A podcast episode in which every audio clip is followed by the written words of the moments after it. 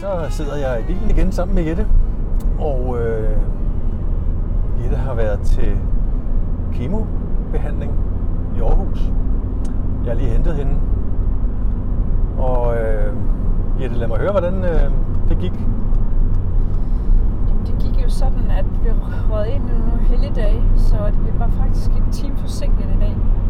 Og, og det kan jeg godt mærke, at man sådan er, er opsat på, at nu skal det være, og nu skal man ind. Så jeg nåede faktisk at sidde og blive en lille smule småirriteret over, at det var forsinket. Men det, det er jo sådan noget, der sker en gang imellem. Øh, Ja. Så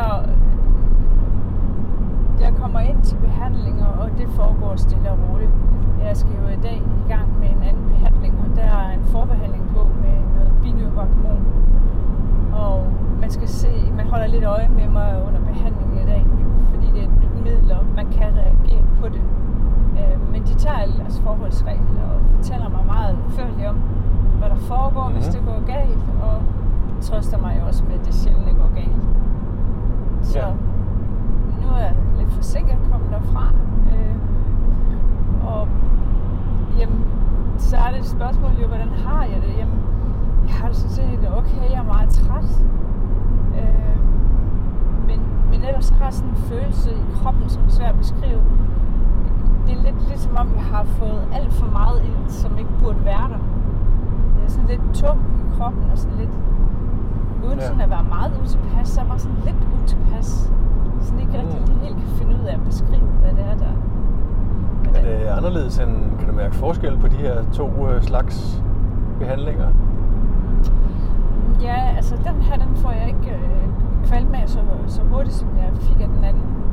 Øh, og det er heller ikke sikkert, at jeg får kvalme af det her. Det sagde de også derinde i dag. Ja, okay. Øh, men jeg, jeg synes mere, at jeg sådan er blevet træt. Øh, men det er jo den forbehandling, man også får for at få kemoen i dag, som, som er sløvende. Og derfor må jeg jo heller ikke køre bil i dag.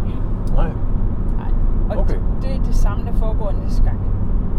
Øh, Ja. Men det er simpelthen for, at man også bedre kan optage kemo. Og det, der er selvfølgelig en masse kemik i det, som, som, som jeg har sat mig lidt ind i, men ikke så meget. Jeg synes, jeg sådan kan udførligt beskrive det, at, den er, at jeg observerer på min krop, hvad der, er, der sker. Ja. Øh, og så tager jeg den lidt derfra. ja. Ja.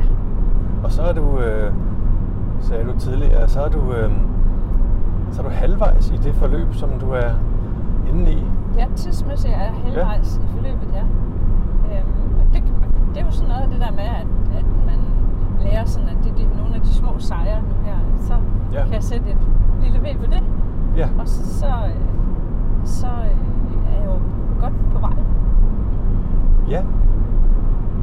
Og nu sidst, eller på et tidspunkt, da vi lavede en podcast, så snakkede vi om det der med, om, om man kunne, øh, om det gav mening at ligesom have nogle mål og så videre.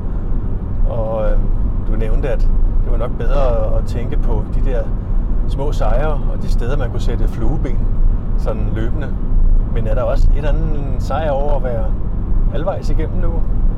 I hvert fald, jeg ved godt, at hvad er halvvejs, men i hvert fald i forhold til, til, til den tidsramme og, og det forløb, du er i nu. Det, det, det, er, det er det for mig. Altså, men det igen, så kan man sådan ligesom sætte sig et flueben øh, ved, ved det, at, at nu, øh, nu øh, har jeg stået den, den, den første halvdel. Ja.